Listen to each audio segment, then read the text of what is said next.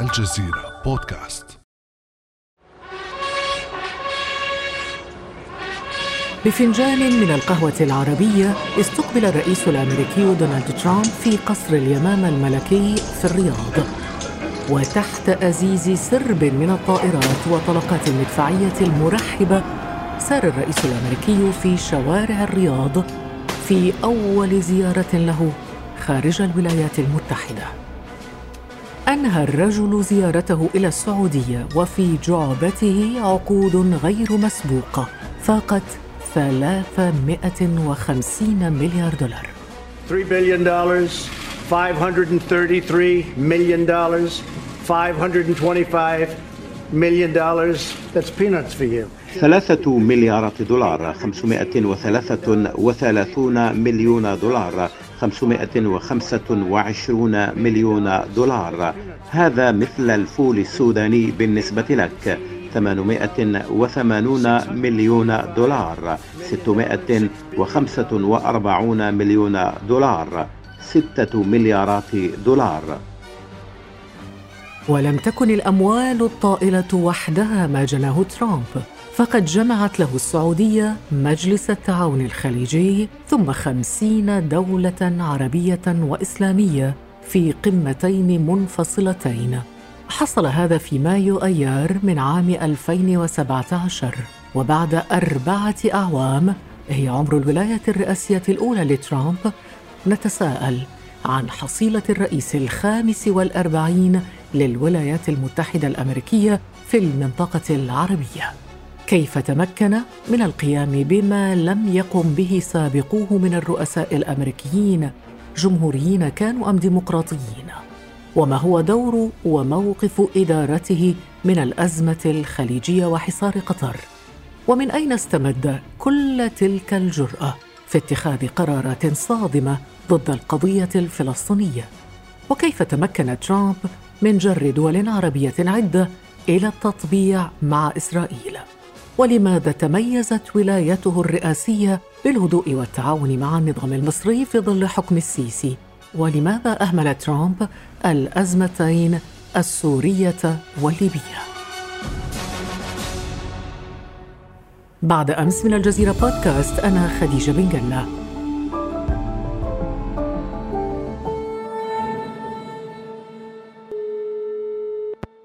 يسعدنا أن يكون معنا في هذه الحلقة الدكتور محمود بالحيمر الكاتب الصحفي المقيم بواشنطن أهلا وسهلا بك دكتور محمود أهلا وسهلا مرحبا. دكتور محمود بالحيمر هل تعتقد أن زيارة ترامب إلى السعودية كانت في ذلك الوقت ايذانا بقطيعة حقيقية مع السياسة الأمريكية السابقة ونقطة انطلاق لسياسة جديدة في المنطقة العربية؟ نحن أمام أول زيارة خارجية لترامب كرئيس للولايات المتحدة وذهب إلى السعودية. طبعا اعتمد فيها على الدبلوماسية ما يسمى بدبلوماسية الظل لجاريد كوشنر صهره وطبعا هو مستشاره كبير مستشاريه. من خلال علاقة هذا الرجل بولي العهد محمد بن سلمان. وهذا تفضيلا على القنوات الدبلوماسية المعتادة التي كانت السعودية تعتمدها. من حيث قيمة المنافع المالية والاقتصادية التي حققتها الولايات المتحدة الأمريكية هذا يعتبر شيء تاريخي. صفقات بقيمة 350 مليار دولار هي شيء غير مسبوق في العلاقة بين الرياض وواشنطن. أهم شيء يمكن أن نقول أنها هذه الزيارة أسست لنمط علاقة يقوم على منافع اقتصادية ومالية غير مسبوقة للولايات المتحدة مقابل النزول عند بعض مطالبات أو رغبات خليجية منها مثلا تشديد الضغط على إيران الوقوف إلى جانب التحالف السعودي في اليمن ودعم مصر السيسي في هذا السياق دكتور محمود بالحيمر كيف تقيم موقف إدارة ترامب من الأزمة الخليجية ومن حصار قطر؟ أول ملاحظة هو أنه كان موقفا متناقضا فمن جهة كان ترامب إلى يعني اتخذ موقفا منحازا إلى جانب السعودية والإمارات بتصريحات وسلسلة من التغريدات تؤكد المزاعم الخليجية والاتهامات الخليجية لقطر بشأن دعمها للتطرف إلى غير ذلك. في نفس الوقت كان وزير الخارجية الأمريكي آنذاك وهو ريكس تيلرسون ووزير دفاع جيم ماتيس يتبنيان خطابا أو سياسة مغايرة وكان يبذلان جهودا لحل الأزمة. فكان هناك نوع من عدم الانسجام في موقف الإدارة الأمريكية بين البيت الأبيض ممثلا بالرئيس ترامب والخارجية والدفاع. طبعا هذا يعود لطبيعة ترامب وطريقة أدائه للسياسة الخارجية الأمريكية. فالتويتس والتصريحات الخارجة عن المألوف هي إحدى المميزات التي تميز بها. لكن سرعان ما أدركت واشنطن وأدرك البيت الأبيض بأن هناك تعاون استراتيجي أيضا مع قطر وينبغي الحفاظ عليه وأنه ليس هناك مخاوف كبيرة بشأن نفوذ قطر وسياستها الخارجية. الملاحظة الرئيسية الثانية هو أن إدارة ترامب لم تلقي بكل ثقلها السياسي ونفوذها لحل هذه الأزمة.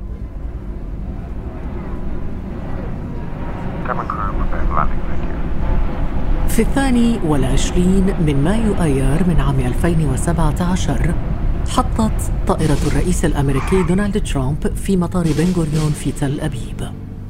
لقد كانت تلك أول رحلة مباشرة بين السعودية وإسرائيل لكنها رحلة مهدت للتطبيع مع عدد من الدول العربية هي حتى الآن الإمارات والبحرين والسودان This deal is a significant step towards building a more peaceful, secure, and prosperous Middle East. هذا الاتفاق خطوة مهمة باتجاه بناء شرق أوسط أكثر أمنا وسلاما وازدهارا. الآن وبعد إذابة الجليد أتوقع أن يحذو مزيد من الدول العربية والإسلامية حذو الإمارات التي أشكرها على دورها القيادي. هذا أمر غير مستغرب بالنظر إلى معرفة الجيدة بمحمد بن زايد وما قام به لتطبيع العلاقات مع إسرائيل. نحن نناقش ذلك مع دول أخرى قوية وجيدة فالناس يريدون أن يروا السلام في الشرق الأوسط. دكتور محمود بالحمر كيف تمكنت برأيك إدارة ترامب من تسريع تطبيع علاقات إسرائيل مع هذه الدول؟ ما هو السر برأيك؟ برأيي أن كل طرف من الأطراف الرئيسية ممثلة في الإدارة الأمريكية وإسرائيل وأيضا الدول المعنية بالتطبيع لها مصالح قصوى في مرحلة تاريخية هذه المرحلة المعينة وتريد تحقيقها بثمن هناك تلاقي للمصالح لهذه الدول لنأخذ مثلا الإمارات هي تريد دعما أمريكيا قويا لحماية أمنها ووحدتها الترابية وأيضا ثروتها المتعاظمة وأيضا نفوذها في النطاق الإقليمي. فهي بحاجة لأسلحة أمريكية بحاجة لدعم أمريكي بحاجة لاستثمارات أمريكية وبحاجة أيضا لدعم إسرائيلي. في الجهة المقابلة نتنياهو محتاج بشكل ملح لنصر سياسي معين يحتاجه في الخارطة السياسية الإسرائيلية بحيث أنه يعني كان له مشاكل بما يخص تشكيل حكومة أغلبية والفوز بالأغلبية الضرورية لتشكيل حكومة. وترامب أيضا يحتاج لدعم في حملته الانتخابية لإعادة انتخابه ضد بايدن في سباق حاسم كما هو واضح الآن. وحتى يقول أنه حقق تقدما في السلام في الشرق الأوسط لم تحققه إدارة سابقة. هذا في رأيي كل هذه العوامل ساعدت على الدفع بالإعلان عن التطبيع وفي هذا الوقت لأن في هذا الوقت الأطراف كلها تحتاج ولا سيما ترامب يريد أن يقنع ناخبيه بأنه حقق شيئا لم تحققه الإدارة السابقة. نتنياهو يريد استثمار سياسي في إسرائيل حتى تكون له الغالبية بتشكيل حكومة قوية. والدول الخليج تريد أن تحقق أمنها وتحقق أيضا حماية لنفوذها الاقتصادي وتوسعها في المنطقة وبالموازاة مع حرصه الشديد على التطبيع قام الرئيس دونالد ترامب منذ توليه الرئاسة الأمريكية في 2016 بعدة خطوات مناهضة للفلسطينيين وللقضية الفلسطينية. أبرزها نقل السفارة الأمريكية من تل أبيب إلى القدس في مايو من عام 2018 دكتور محمود بالحمر لماذا برأيك تجرأ الرئيس ترامب على هذه الخطوة وغيرها من الخطوات ضد القضية الفلسطينية عكس كل الرؤساء الأمريكيين الذين سبقوه؟ ترامب يلبي رغبة من رغبات قاعدته الانتخابية وهي مشكلة أساسا من الإنجيليين البيض الذين صوتوا له بقوة. هؤلاء المتدينين يشكلون قاعدة انتخابية صلبة وكتلة إيديولوجية متماسكة وساهمت في فوز ترامب. وحتى يضمن دعم هذه الفئة ذات الثقل في الحياة السياسية الأمريكية يضمن إعادة انتخابه لولاية ثانية لأنها توفر له الأصوات وتوفر له أيضا الدعم المالي.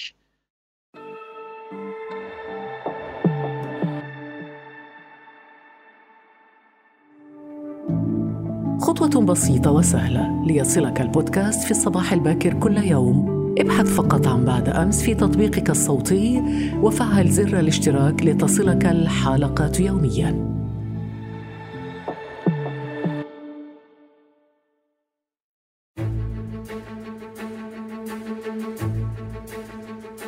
I'd like to begin by condemning the heinous attack on innocent Syrians. أود بداية إدانة الهجوم الشنيع على الأبرياء السوريين بأسلحة كيميائية محظورة. لقد كان هجوما فظيعا ومرعبا. كان هذا أحد التصريحات النادرة للرئيس ترامب المنددة بالنظام السوري بعد مقتل حوالي سبعين سوريا في هجوم كيماوي على مدينة دوما. وبعدها قامت طائرات أمريكية بقصف منشآت تحوي أسلحة كيماوية في الثالث عشر من إبريل من عام 2018 لكن دون أن يؤثر ذلك في سلوك النظام السوري برأيك دكتور محمود بالحمر لماذا لم تحظى الأزمة السورية بالاهتمام في ظل إدارة ترامب؟ برأيي أن هذا عدم الاهتمام يتماشى مع سياسات ترامب في توجه الجديد لأمريكا وبرنامجه الانتخابي بعدم التورط في حروب الشرق الأوسط وسحب القوات الأمريكية من مناطق النزاع. طبعا هذا يتناقض مع تقليد المؤسسة السياسية والأهداف الاستراتيجية للسياسة الأمريكية بالحفاظ على مناطق النفوذ في تلك المناطق من خلال التواجد العسكري. لكن تعقيد المستنقع السوري جعل مكاسب الولايات المتحدة الأمريكية قليلة.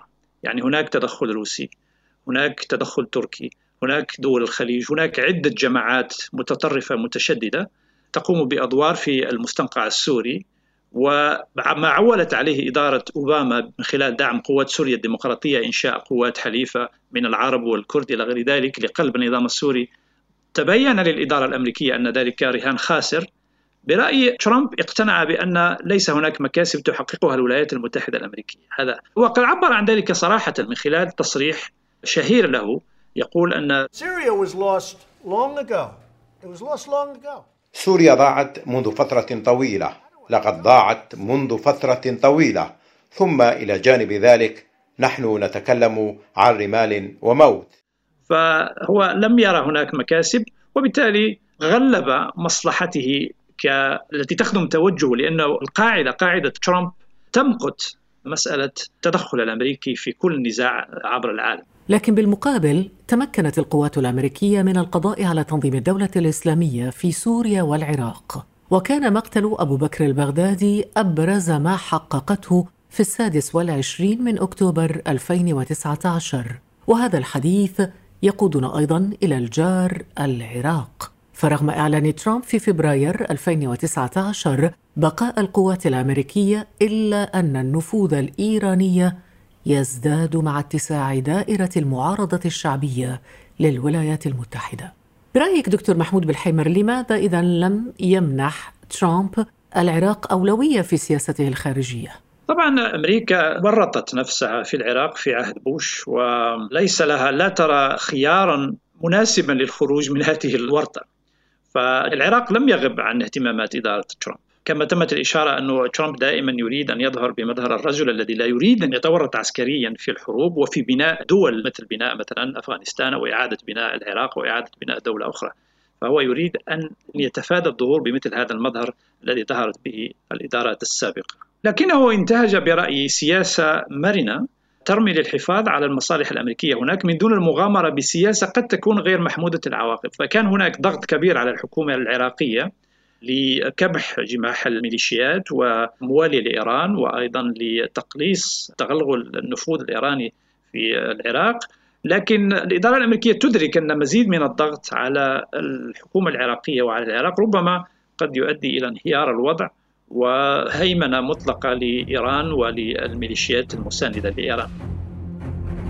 وفي إبريل نيسان من عام 2019 خص الرئيس الأمريكي دونالد ترامب نظيره المصري عبد الفتاح السيسي باستقبال في البيت الأبيض حيث صرح ترامب uh, يجب أن أقول إن تقدما كبيرا تم إحرازه في العديد من المجالات فيما يتعلق بالإرهاب وأمور أخرى مع مصر وداخلها. سنلتقي بممثلين عن الرئيس المصري بعد قليل. هذا شريك تجاري كبير وبيننا كثير من العمل المشترك.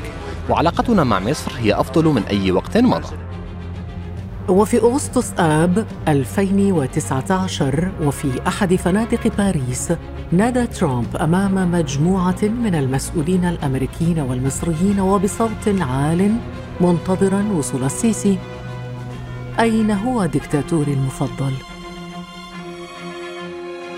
دكتور محمود بالحمر لماذا تميزت العلاقة المصرية الأمريكية في ظل إدارة ترامب بكل هذا الهدوء وهذا التعاون دون أي توترات أو تشنجات؟ إدارة ترامب نزعت من الطريق مسألة حقوق الإنسان وأغمضت عينيها عن هذا الجانب وتريد أن تتبنى سياسة يعني فيها نوع من البراغماتية بغض النظر عن انتهاكات حقوق الإنسان جانب آخر وهو الجمهوريون والمحافظون على العموم وإدارة ترامب أيضا كانوا يرون في سياسات السيسي ولا سيما في الجانب المتعلق بمحاربة التشدد ومحاربة التطرف. مسألة أيضا مراجعة مثلا البرامج الدينية إلى غير ذلك يرون في ذلك مسألة إيجابية يجب دعمها دون الاكتراث بمسألة حقوق الإنسان. وفي المقابل أيضا يرون في مصر أنها منسجمة مع المواقف الأمريكية في قضايا إقليمية مثلا في مسألة السلام في مسألة الأزمة الخليجية كان هناك انحياز لواشنطن تجاه السعودية والإمارات وبالتالي هذا أبقى على نوع من الهدوء والتعاون بين إدارة ترامب أفضل بكثير بطبيعة الحال مع إدارة أوباما. إلى الغرب من مصر نذهب إلى ليبيا وليبيا التي تشهد طبعا صراعا متعدد الأطراف. نرى أن مواقف ترامب فيما يتعلق بالأزمة الليبية تراوحت بين الحياد والتردد تارة والتهديد بفرض عقوبات على أطراف الأزمة الليبية تارة أخرى لماذا برأيك؟ هذا التعقيد جعل الإدارة الأمريكية وترامب على وجه التحديد لا تهتدي إلى حيلة معينة للتأثير في الصراع في ليبيا، زيادة على أنه ينسجم أيضا مع أنه ترامب لا يريد أن يظهر بمظهر الذي يتدخل عسكريا في كل نزاع في العالم. وهذا ينسجم مع مطالب قاعدته التي يريد أصواتها في الانتخابات المقبلة. الدكتور محمود بالحيمر الكاتب الصحفي المقيم في واشنطن شكرا جزيلا لك. شكرا جزيلا. يمكنكم الاستماع للمزيد من الحلقات الشيقة من الجزيرة بودكاست عبر مختلف تطبيقات بودكاست. كان هذا بعد أمس.